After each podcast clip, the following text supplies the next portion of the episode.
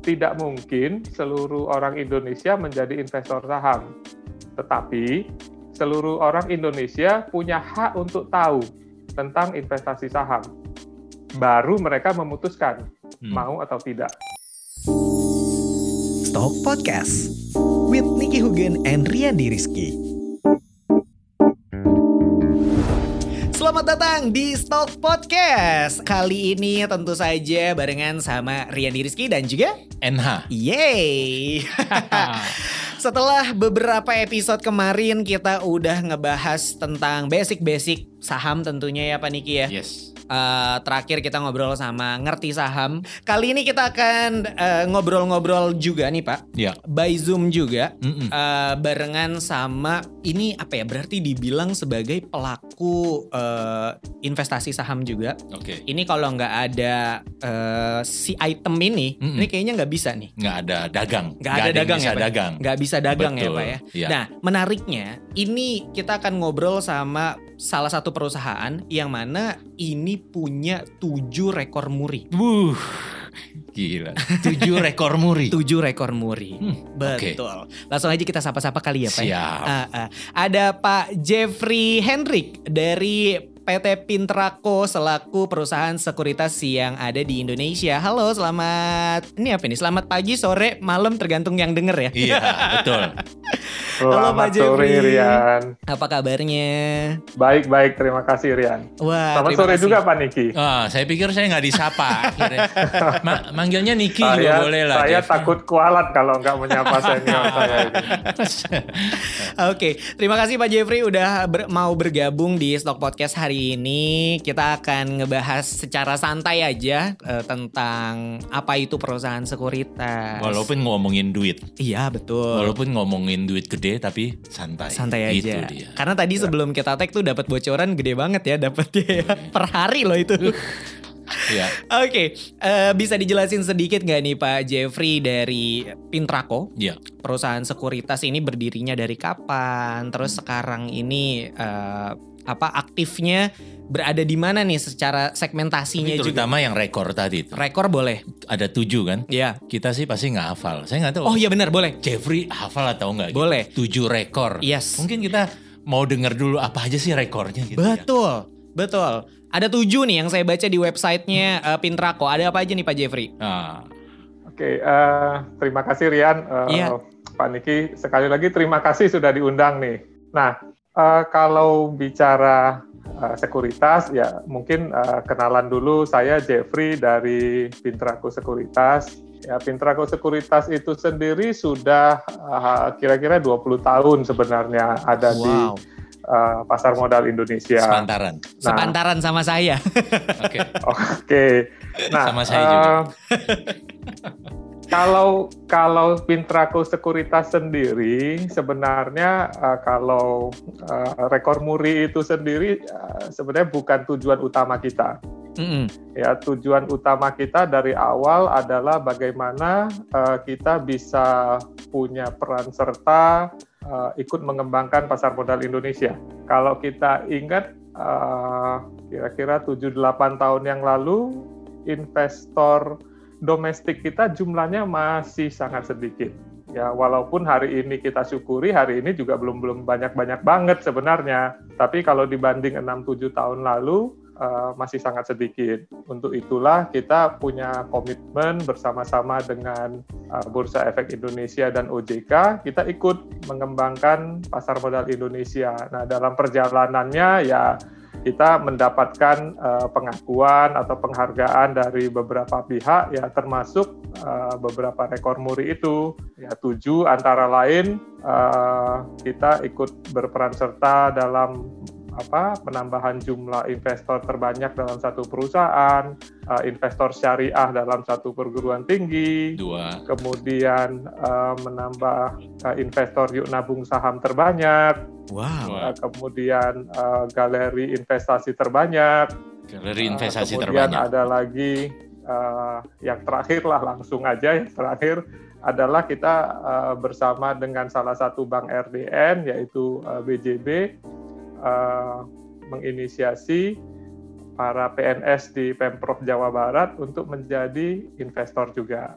Wow. Jadi uh, kira-kira itu uh, sekelumit perkenalan tentang Pintraco. Luar biasa. Ini bikin kita akhirnya jadi makin semangat nih buat ngulik-ngulik nih seperti apa nih perusahaan sekuritas gitu ya. Iya. Ini menarik sekali karena uh, kalau misalkan yang kemarin Pak Niki sudah sempat jelaskan nih Pak Jeffrey ya tentang perusahaan Ya. sekuritas Ya. itu uh, karena katanya kalau buat investor pemula paling kalau bikin ya satu dua hari udah jadi. Kalau di Pintraco sendiri nih sistem uh, apa untuk bikin rekening, Rekening. bikin rekening. Nah Ya. itu seperti apa tuh Pak Jeffrey? Bikin rekening uh, sebenarnya sekarang sih sudah sangat cepat. Ya Mm. kita sudah bekerja sama dengan banyak sekali bank RDN, uh, bahkan ada yang sudah bisa melalui proses simplifikasi. Artinya apa? Artinya untuk membuka rekening ya full online, Jadi nggak perlu ke uh, kantor Pintraco. nggak perlu ke kantor, nggak perlu tanda tangan, nggak perlu Oke. uh, ngeprint dokumen, ya udah full online semua dan itu uh, hitungan jam lah, hitungan jam kadang-kadang kalau cut off day-nya agak telat ya hitungannya satu hari dua hari, nggak nggak hitungan berhari-hari lagi sekarang Oh, untuk membuka benar. rekening. Wow. Jadi kalau pagi misalnya semua lengkap dan lain-lain, mungkin siang sudah bisa selesai. Sudah bisa sore. transaksi. Sudah bisa Ya. transaksi. Jadi udah udah bahkan satu hari aja nggak nyampe tuh Pak. Nggak sampai. Ya, nggak jadi nyampe. kita bekerja sama dengan uh, bank. Jadi kalau data kita sudah ada di bank itu, ya artinya uh, RDN sudah bisa langsung diterbitkan oleh bank itu saat itu juga. Hmm. Data kita Setor artinya dana ke R, ya. data si si si investor itu ya. Jadi kalau saya misalnya punya rekening tabungan di bank A, kalau saya membuka Ya. rekening saham dengan RDN tadi di bank A, otomatis itu bisa jauh lebih cepat. Ya, lagi. bisa langsung selesai RDN-nya. Langsung selesai. Oh gitu. Berarti betul. Buka pagi, siang sudah bisa belanja. Oh, Ya. wah seru banget ya. Berarti makin makin gampang dan nggak perlu ke mana-mana lagi. Ya Udah Iya. cuma tinggal buka handphone, Hmm. tinggal isi datanya ya pak ya. Iya, jadi uh, proses pembukaan rekeningnya uh, cepat, Mm-mm. uh, kemudian uh, deposito awalnya atau apa investasi awalnya sekarang sangat ringan, Berapa tuh? 100 ribu sudah bisa punya rekening. 100 Ya, 100 ribu, kira-kira Pak. alasan apa lagi yang yang bisa kita pakai untuk untuk tidak segera berinvestasi di luar biasa. di Pintraco. Enggak kan? Enggak ada tambahan. di.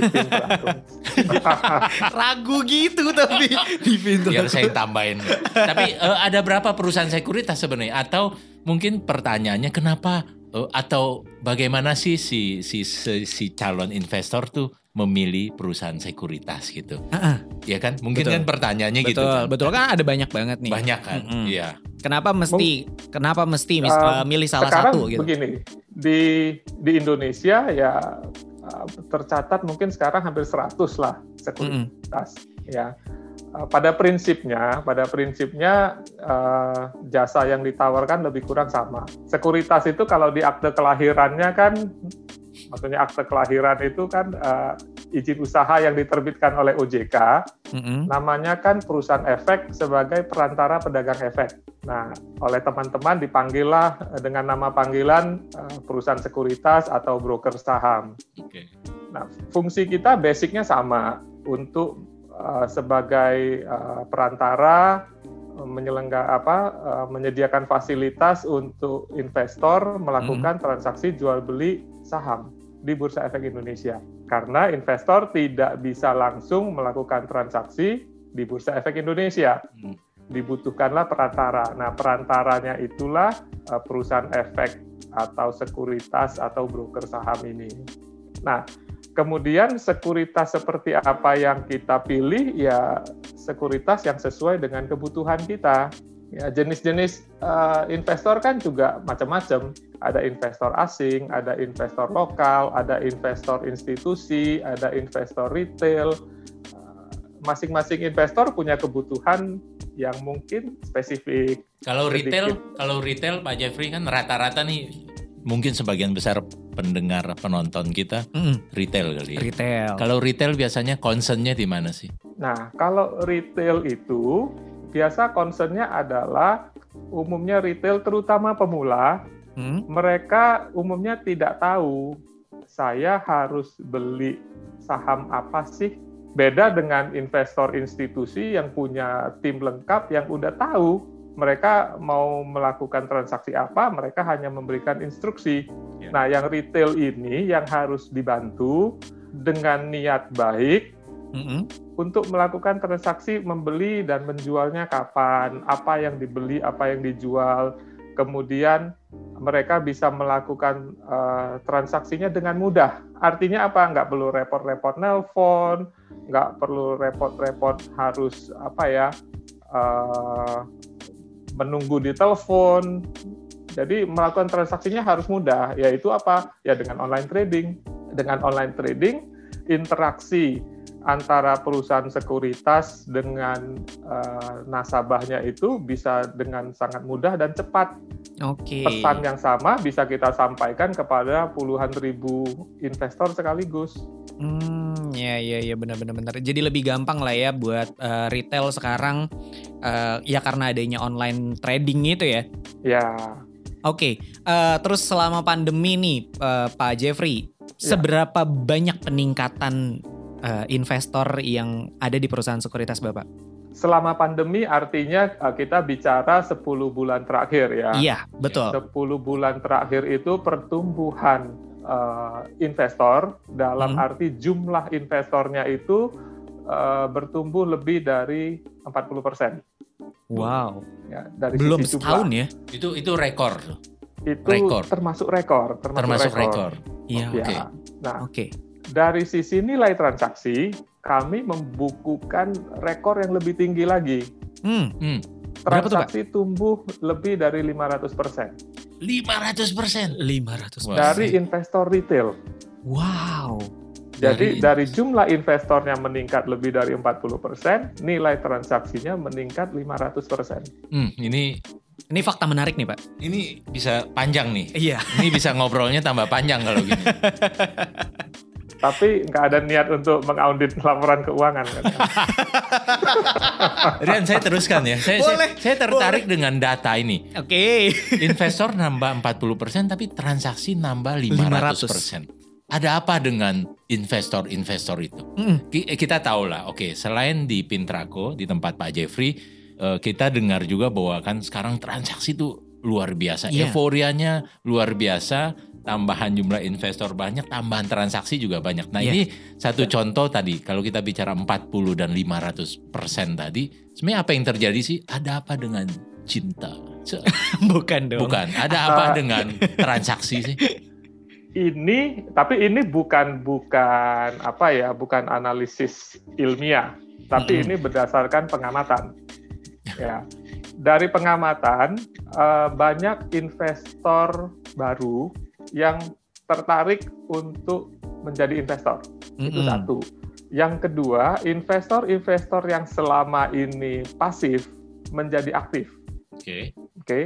mungkin karena uh, banyak yang melakukan kegiatan di rumah, ya, jadi uh, jarang uh, pergi ke mana-mana. Mereka jadi punya waktu untuk bisa melakukan transaksi. Iya. Oke. Okay.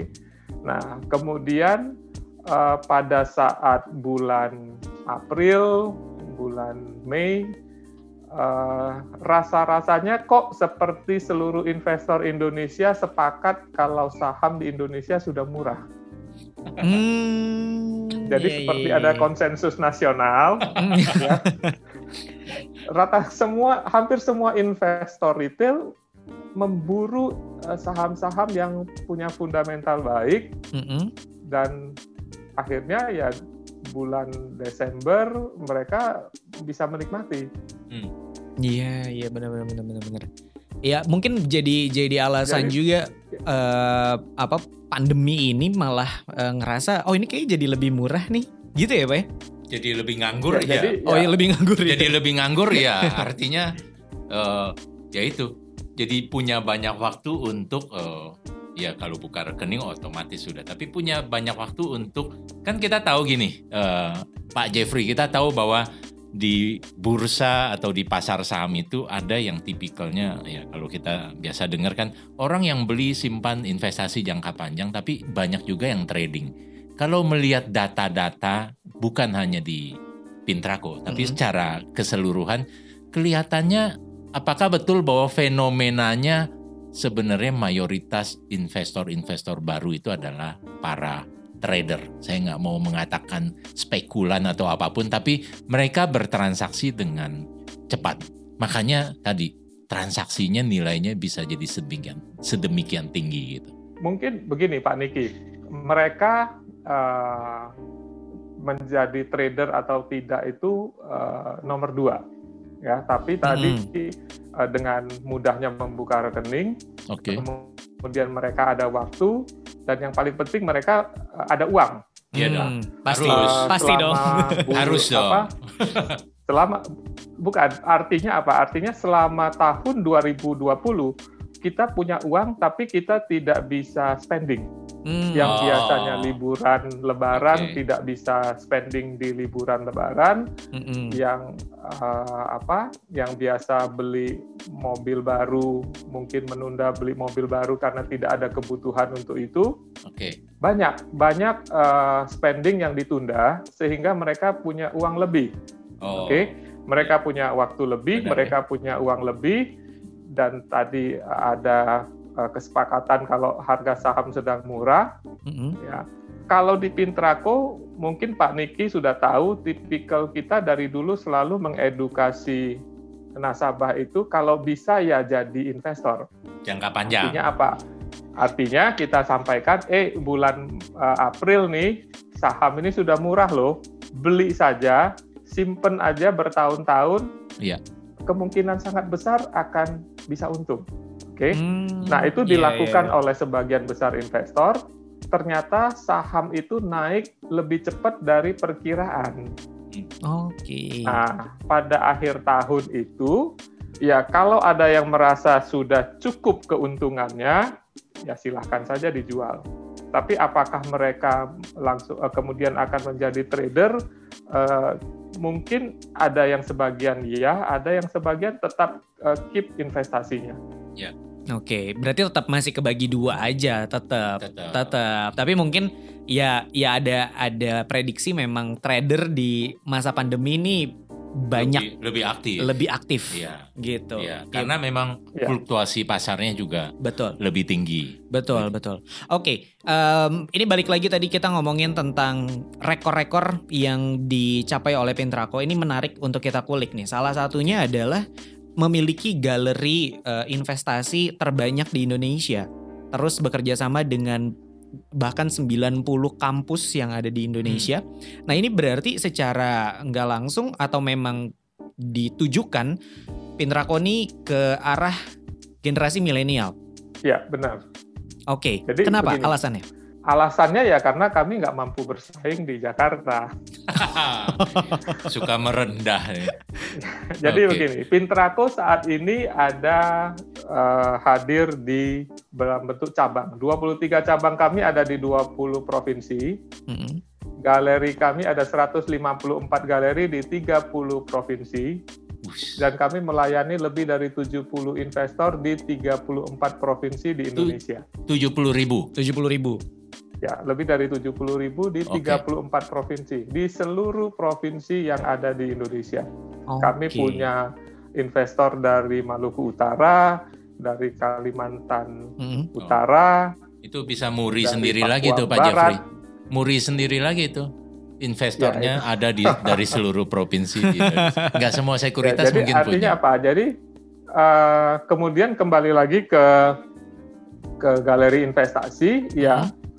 Uh, kita balik lagi ke cerita yang awal tadi. enam tujuh tahun yang lalu jumlah investor kita sangat sedikit. Ya, jadi fenomena yang terjadi adalah sesama sekuritas pasti rebutan investor. Nah, kami daripada rebutan investor, kami pilih untuk menciptakan investor. Wow. Nah, memang menciptakan investor itu tidak cepat. Ya, butuh waktu Ya, tapi kami merasa ya kok selama ini kami uh, memberikan nasihat kepada nasabah harus berani dong investasi jangka panjang. Ya, artinya hmm. kami sebagai perusahaan pun ya harusnya uh, konsisten dengan nasihat itu. Kami pun uh, ya harus berani investasi jangka panjang. Jadi artinya 6-7 tahun yang lalu kami mulai berinvestasi untuk menciptakan investor-investor baru, terutama uh, investor uh, milenial yang empat tahun lalu itu masih mahasiswa. Hmm. Oh, okay. Tapi sekarang mereka itu sudah bukan mahasiswa. Mm -hmm. Nah ini ada satu cerita, ada satu cerita unik. Boleh, apa tuh Pak? Uh, tahun lalu mm -hmm. ya di acara IDX Islamic ya, setiap tahun uh, IDX Islamic itu divisi syariahnya Bursa Efek Indonesia mengadakan acara dan di acara itu diberikanlah beberapa penghargaan ya. Kebetulan saat itu Pintrako diundang karena eh, mendapat penghargaan juga. Hmm, okay. ya, kami itu cukup aktif di uh, kegiatan investasi saham syariah jadi kami saat itu uh, mendapat uh, penghargaan juga. Tapi cerita utamanya bukan itu itu coba cerita sampingnya cerita utamanya adalah ada seorang uh, investor dari uh, Jogja yang hmm. diundang oleh IDX untuk diberikan penghargaan sebagai investor saham syariah terbaik. Oh. Oke. Okay. Oke. Okay. Dan waktu kami sama-sama naik di podium, si investor ini menyapa saya, Pak, masih ingat saya? Saya ini dulu di Galeri Investasi Syariah UII Jogja. Universitas Saya kira Pak Niki juga Indonesia. yang meresmikan galeri itu saat itu. Oh. Ya, galeri investasi. Oh, iya. Jadi syariah. beliau mengenal investasi saham syariah hmm. melalui galeri investasi syariah yang ada di kampusnya saat itu. Beberapa tahun kemudian dia menjadi seorang investor dan terpilih menjadi investor saham syariah terbaik. Wow. Artinya apa? Artinya apa yang kita tanam beberapa tahun yang lalu ternyata ada buahnya. Wah, keren. Dan itu kisah nyata, Rian. Iya, iya, iya, iya, iya. Ini bisa jadi pelajaran juga gitu ya yeah. uh, buat anak-anak kampus yang mungkin sekarang lagi uh, penasaran sama saham dan hmm mungkin belum pernah datang ke galeri uh, investasi di kampusnya sendiri. Dan punya uang seratus ribu. dan punya uang seratus ribu cobain deh. Siapa tahu ya. beberapa tahun yang akan datang diundang juga ya pak jadi investor terbaik juga kan? Iya. Iya. Oke okay, berarti sampai sekarang pun masih kan ya untuk galeri uh, investasi yang ada di kampus-kampus tuh uh, masih tetap ada masih selama masa pandemi yang uh, hampir satu tahun itu mm-hmm. sepanjang 2020 kami tetap menambah 17 galeri di seluruh Indonesia. Mm. Oke. Okay. Jadi malah nambah ya Pak? Ya? Tetap nambah. Okay. Tetap nambah. Tetap. Komitmen itu tidak pudar hanya karena pandemi. Oke. Okay. nah, biasa. Itu kan uh, galeri investasi ada di kampus dan secara langsung nih Pintrako tuh kan berhubungan dengan mahasiswa dan generasi milenial. Kebiasaan yeah. para investor-investor muda nih kalau menurut Pak Jeffrey gimana sih? Pertama, uh, antusiasme uh, anak-anak muda kita sekarang harus kita acungi jempol. Wah, mereka kenapa, luar biasa semangatnya. Hmm. Ya, uh, terutama uh, saya yakin Pak Niki juga ingat kita datang ke beberapa kampus itu peresmian galeri investasi.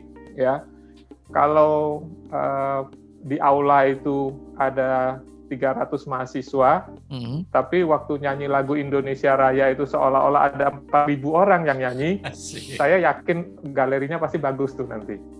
oh. ya, Jadi mereka itu semangat, semangat sekali untuk bisa belajar uh, tentang pasar modal. Okay. Nah, kemudian uh, yang kedua adalah uh, mereka itu sangat ingin belajar ya kegiatan-kegiatan edukasi itu dalam satu tahun kami tahun lalu melakukan kegiatan edukasi lebih kurang 1.800 kegiatan edukasi online per tahun. online online ya online karena yeah. tahun lalu uh, sebagian besar itu online. Iya. Yeah. Nah, uh, yang menjadi apa uh, catatan kita adalah pertumbuhan uh, investor dari kalangan milenial itu luar biasa tinggi. Ya nanti mungkin Rian bisa cross check ke apa uh, instansi yang berwenang. Mm-hmm. Memang pertumbuhan investor milenial kita luar biasa. Yeah. Ya, itu artinya berarti itu artinya berarti uh, apa yang sudah dilakukan sama Pintrako dari beberapa tahun yang lalu akhirnya sekarang makin mulai ya, mulai berbuah. Mulai berbuah, mulai betul. berbuah. Udah dipanen nih, pelan-pelan nih. Yang panen Pintrako nih. Oke, Pak Niki ada lagi yang mau ditanya tentang perusahaan sekuritasnya sendiri nih, Pak? Iya, uh, saya rasa tadi sudah dibahas ya mulai dari awal tadi pembukaan rekening yang yeah. ternyata sedemikian mudah, sedemikian cepat sedemikian terjangkau. Jadi seratus ribu hitungan jam mudah-mudahan nggak sampai harian dan lain-lain dilakukan secara online dan lain-lain. Oke semuanya sedemikian mudah. Kemudian uh, tadi kenapa fenomena penambahan jumlah investor tuh ternyata selama masa pandemi juga malah meningkat seperti itu tapi mungkin tetap saja uh, Pak Jeffrey tetap ya. saja masih banyak penonton kita, pendengar kita, -hmm. milenial yang masih ragu untuk memulai. Kan tadi kita setuju bahwa tadi Pak Jeffrey yang bilang tetap saja jumlah investor kita bertambah tapi masih belum sesuai harapan. Iya. Masih sedikit iya. lah ya. Sebenarnya ya. pesan apa sih yang harus kita sampaikan kepada milenial? Kita bicara milenial yeah. atau masyarakat umum untuk bergabung untuk join menjadi investor. Kita kalau terakhir katanya data dari uh, bursa atau KSEI sekitar 4 juta. 4 Tapi juta. tetap saja 4 juta dari 270 juta masih 2 persen ke bawah, masih hmm. di bawah 2 persen. Uh, kira-kira pesan apa sih untuk ya kita tetap harus meningkatkan kan? Iya, buat Jum. stock friends nih yang lagi dengar. Ya, buat yeah. stock friends. stock friends seperti yes. itu. Oke, kalau pesan untuk ja, jangan terlalu serius Pak Jeffrey. Enggak, ini kalau kalau udah ngomongin ini nih Pak Niki, mm. ini yeah. menjadi serius. Oh, baik. ya. Silahkan Pak. Oke. Okay. Karena begini, mm. ya urusan uh, pengembangan pasar, peningkatan jumlah investor itu uh, nggak bisa kita uh, serahkan kepada satu atau dua pihak. Hmm ya nggak bisa sekuritas mau berusaha sampai seberapapun kalau tidak didukung oleh pihak-pihak lain tidak akan berhasil. Salah satunya ya. Stock Podcast. Stock Podcast ini. Betul. Salah satunya ini. Acara ini. ya. Betul kan? Ya. Ya. Dan di level yang lebih serius, ya di level yang lebih Kita serius, serius loh padahal. ya. Oke. Okay. Uh, begini, kami sudah uh, keliling ke hampir seluruh Indonesia. Oke. Okay. Oke. Okay. Uh, eh, kendala orang mau atau tidak berinvestasi di pasar modal tidak hanya soal melulu literasi. Oke. Okay. Kalau orang yang tidak ngerti literasi, artinya kita datang ke suatu daerah, kita mulai dari nol. Hmm. Banyak uh, banyak apa ya? Uh, banyak Eh, kesempatan di mana kita bukan mulai dari nol, kita mulai dari minus 5. Oh. Artinya apa? Artinya sudah terlanjur ada persepsi negatif tentang investasi di pasar modal. Hmm. Persepsi negatif. Negatif. Karena Jadi tadi minus bukannya, 5. Bukannya bukannya tidak tahu sama sekali, tapi mereka sudah punya persepsi yang negatif. Nah, ya justru itu Jadi, kan. Pertanyaannya kan tadi ke sana kan, Pak Jeffrey. Ya, kan dengan, artinya apa? Ya. Artinya persepsi negatifnya itu yang harus dibenerin dulu. Hmm. Nah, apa sih yang negatif itu? Hmm. Atau nah, harusnya gimana sih? Kalau kita melihat fakta, ya hmm. memang masih banyak ada misalnya uh, praktek-praktek transaksi saham yang uh, tidak sesuai dengan uh, apa yang seharusnya. Mm -hmm. Ya, ada pihak-pihak yang masih melakukan praktek-praktek yang tidak baik. Nah, itu uh, memberikan kesan yang kurang baik. Nah, tetapi kita bersyukur ya uh, sejak uh, pertengahan tahun atau akhir tahun 2019 itu itu pembersihan sudah dilakukan dan impact-nya bisa kita rasakan sendiri pertumbuhan investor di tahun 2020 mungkin saja sebagian karena lapangannya sudah bersih. Sudah hmm. agak bersih lah.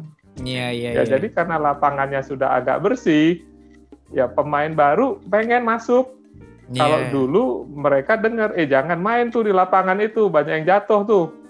bolong-bolong tuh, ada batunya tuh, ada belingnya tuh gitu loh. Mm-hmm. Nah, karena udah, udah agak lapangan bersih sudah lah. mulai dibersihkan, Mm-mm. pemain baru tidak tidak apa ya? Tidak takut tidak lagi khawatir, gitu. ya. tidak Mm-mm. takut lagi untuk mulai mau masuk ke lapangan dan ikut bertransaksi. Iya. Oke.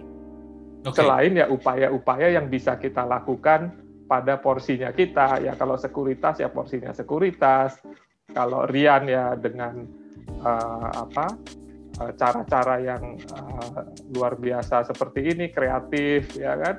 Ya, baru masing-masing kita bisa melakukan porsinya kita masing-masing. Benar. Untuk tujuannya bikin Indonesia Emas 2045 gitu ya. Paling nggak, paling nggak kalau harapannya dari Pintrako sendiri berapa pertumbuhan yang ideal Hmm. untuk Indonesia Nah. ke depannya? Ini juga pertanyaan yang menarik. Mm-mm. ya Eh, pernah ada yang bertanya ke saya apakah mungkin seluruh orang Indonesia menjadi investor saham dengan tegas saya jawab tidak Hmm, Oke. ya tidak mungkin seluruh orang Indonesia menjadi investor saham tetapi seluruh orang Indonesia punya hak untuk tahu tentang investasi saham baru mereka memutuskan Hmm. mau atau tidak. Oke, karena kalau kita lihat di negara yang paling maju ekonominya, negara yang paling tinggi tingkat eh, entrepreneurship-nya, ya eh, umumnya di negara itu investor sahamnya sangat tinggi persentase terhadap eh, jumlah penduduk. Ya, kita bisa sebut negara-negara seperti Singapura, seperti Jepang, seperti Taiwan itu adalah negara-negara yang ekonominya sudah maju dan tingkat entrepreneurship di situ sangat tinggi ya karena ada ada korelasi positif antara uh, entrepreneurship dengan menjadi investor saham ya di negara-negara itu ya 30 sampai 35 persen penduduknya adalah investor saham Oke. jadi artinya apa? Kalau kita sekarang saat ini adalah kira-kira 0,2 persen, artinya potensi yang kita miliki masih luar biasa besar kalau kita ngomong Indonesia 2045. Hmm, Karena di iya. tahun itu ekonomi Indonesia akan menjadi ekonomi besar di dunia, nomor 6 atau nomor 7. Hmm, Iya, iya, iya. Artinya persentase jumlah investor terhadap penduduknya akan besar. Iya. Jadi potensinya tidak terbayangkan besarnya. Betul. Tidak tidak terbayangkan ini udah dua bintang tamu kita ngomongin itu tuh Pak. Potensi eh, saham investasi di Iya. Indonesia itu masih besar banget gitu. Sangat. Berarti Iya. kan memang udah saatnya nih buat stock friends mungkin yang masih ragu-ragu dari kemarin gitu untuk ayo gitu. Iya. Untuk cobain aja dulu. Udah udah berapa episode kan ya sudah udah belajar banyak dan lain-lain. Betul. Iya. Apalagi sekarang udah ada penjelasan langsung nih dari perusahaan sekuritas yang Betul. ya tadi kalau misalkan kita dengarkan pertumbuhannya aja luar biasa banget gitu. Jadi jangan sampai ketinggalan. Jangan Cie. sampai ketinggalan. Jangan betul. sampai ketinggalan itu sih paling poinnya. Oke, terakhir dari Pak Jeffrey mungkin ada yang mau disampaikan? Iya, saya saya rasa mungkin kita butuh dengar dari Pak Jeffrey ya. Yep. Artinya gini, eh, dengan sebagai seorang pemain di investor retail seperti itu, eh, menambah jumlah investor sedemikian banyak, galeri basis investor retail sedemikian besar dan lain-lain, kalimat pamungkas lah. Tetap ini kan akan didengar oleh banyak pihak. Betul. Kita mau dengar dari Pintrako atau dari Pak Jeffrey kalimat pamungkas supaya orang mau berinvestasi. ya Iya kan? Pasti ada kalimat ajaibnya yang dia eh, miliki yang dia belum Betul. sampaikan ke kita. silakan Pak. Biar didengar oleh Mungkin oleh orang begini. banyak. untuk uh, kaum milenial khususnya ya harusnya berani untuk mulai berinvestasi saham sekarang.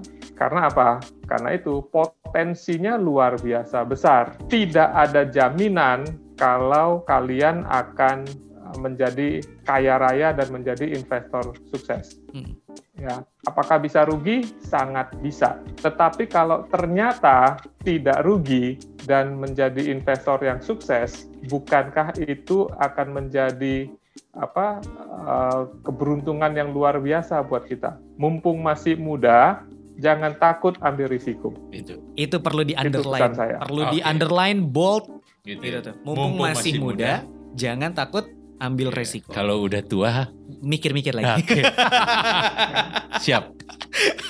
ya. Iya iya iya. Itu tuh berarti yang perlu ditanamkan buat stock friends yang lagi dengerin. Ya mumpung masih muda, cobain aja. Jangan takut untuk ambil resiko. Jangan takut. Oke, siap. Siap. Terima kasih buat Pak Jeffrey yang udah ngobrol-ngobrol, tentunya Terima mewakili kasih, Rian. Dan perusahaan sekuritas. Terima kasih ya Pak ya. Terima kasih. Saya Pak yang Jeffrey. terima kasih Rian, terima kasih Pak Niki. Ya, sukses selalu. Mudah-mudahan ya kita bisa sama-sama bikin masyarakat Indonesia lebih aware dan kenal sama investasi saham Amin. Gitu ya Siap. dengan tujuan kita bersama tentunya sama nih kita satu visi nih ya Yes. kan. Siap, Oke. sehat-sehat selalu. Terima kasih banyak Pak Jeffrey dan Terima kasih. Tentunya buat Stock Friends yang udah dengerin terima kasih banyak. Jangan lupa untuk selalu dengarkan Stock Friends, eh Stock Friends Stock Podcast. Yes. Setiap hari Jumat bakalan tayang di Spotify dan juga di YouTube. Dan jangan lupa untuk ikutin sosial medianya di Instagram di @stockpodcast. Kalau paniki Instagramnya? At Hogan Niki. Yes, kalau saya @riandirs. Langsung aja berteman di sana. Yang mau nanya-nanya juga silahkan banget. Sampai Yes. ketemu hari Jumat depan. Bye-bye. Bye bye. Stock Podcast with Nicky Hugen and Rian Rizky.